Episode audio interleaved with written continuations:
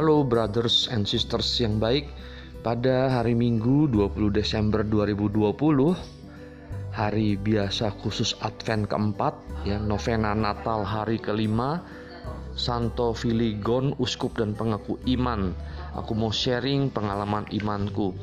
Judul yang aku berikan adalah Jadilah seorang diamond yang suci, cerdas, bijaksana, rajin, dan murah hati Jadilah seorang diamond yang suci, cerdas, bijaksana, rajin, dan murah hati.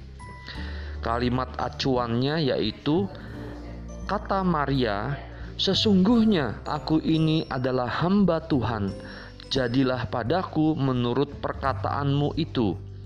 Lalu malaikat itu meninggalkan dia. Rahmat yang ingin kita dapatkan kita memakai iman kita untuk taat atas panggilan Tuhan Yesus kepada kita. Jalankan dengan baik cita-cita kita mengarah kepadanya. Kita belajar menjadi suci, cerdas, bijaksana, rajin, serta murah hati. Teman-teman, brothers and sisters, saya mau sharingnya ya. Dengarkan ya. Filigon terkenal sebagai seorang pengacara kawakan di kota Antioquia, Asia Kecil pada abad keempat. Ia terkenal karena pidatonya yang berapi-api dan keberaniannya membela klien di hadapan pengadilan. Ia tidak pernah kalah dalam semua perkara yang dibelanya. Ia jujur dan biasanya tidak bersedia membela orang-orang yang jelas-jelas berbuat salah. Sebagai orang Kristen, ia lebih dikenal karena kesalehan dan perbuatan-perbuatan amalnya. Pada waktu Vitalis, uskup Antioquia meninggal dunia, Filigon terpilih menjadi penggantinya.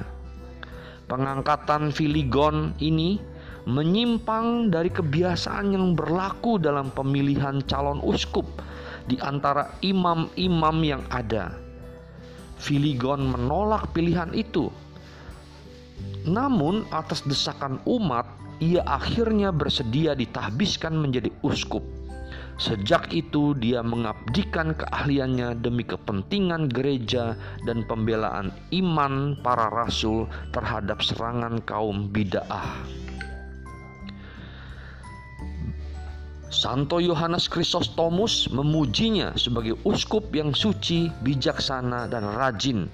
Ia juga memuji kemurahan hati Filigon dalam memperhatikan kepentingan umatnya. Ketenangan jiwanya tidak pernah terganggu oleh kecemasan akan harta benda duniawi. Hatinya tidak pernah terikat pada harta benda duniawi lima tahun sesudah menjabat uskup, Filigon meninggal dunia. Nah, brothers and sisters yang baik, pilihan identitasku adalah aku mau menjadi seorang diamond. Seorang diamond yang memiliki kebebasan waktu dan uang, yang merdeka dalam hal waktu dan uang.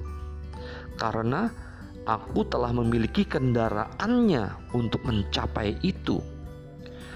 Tapi karena terinspirasi oleh teladan hidup Santo Filigon yang adalah seorang pengacara yang kawakan, yang jujur, yang suci, bijaksana, dan rajin serta murah hati, karena Santo Filigon tidak terikat akan harta duniawi, makanya dia akhirnya bersedia dipilih menjadi uskup di Antioquia, Asia Kecil. Aku pun bercita-cita menjadi seorang diamond dalam waktu 2 sampai dengan 5 tahun. Bahkan secepatnya dalam waktu 2 tahun aku dapat menjadi diamond yang sejati. Santo Filigon menggunakan seluruh keahliannya untuk kepentingan gereja dan membela iman para rasul terhadap serangan kaum bid'ah. Demikianlah aku Aku ingin menjadi seorang diamond yang suci, cerdas, bijaksana, rajin, serta murah hati. Teladan Bunda Maria pun cocok dengan sikap Santo Filigon. Bunda Maria kita malah dengan cerdas, rendah hati, dan langsung tanpa ragu mengatakan kepada malaikat Gabriel, yaitu: "Sesungguhnya aku ini adalah hamba Tuhan. Jadilah padaku menurut perkataanmu itu." Lalu malaikat itu meninggalkan dia. Nah, pesan dari renungan ini adalah: jadilah seorang diamond yang suci cerdas, bijaksana, rajin, dan murah hati. Pertanyaan refleksi: satu, apakah saudara juga mau menjadi seorang diamond yang suci, cerdas, bijaksana, rajin, dan murah hati? Dua, usaha-usaha apa sajakah yang akan kita lakukan untuk mencapai diamond yang suci, cerdas, bijaksana, rajin, dan murah hati dari sekarang? Demikianlah sharing saya yang saya buat Willy Wibianto, Unit Head Couples for Christ Pamulang. Bye.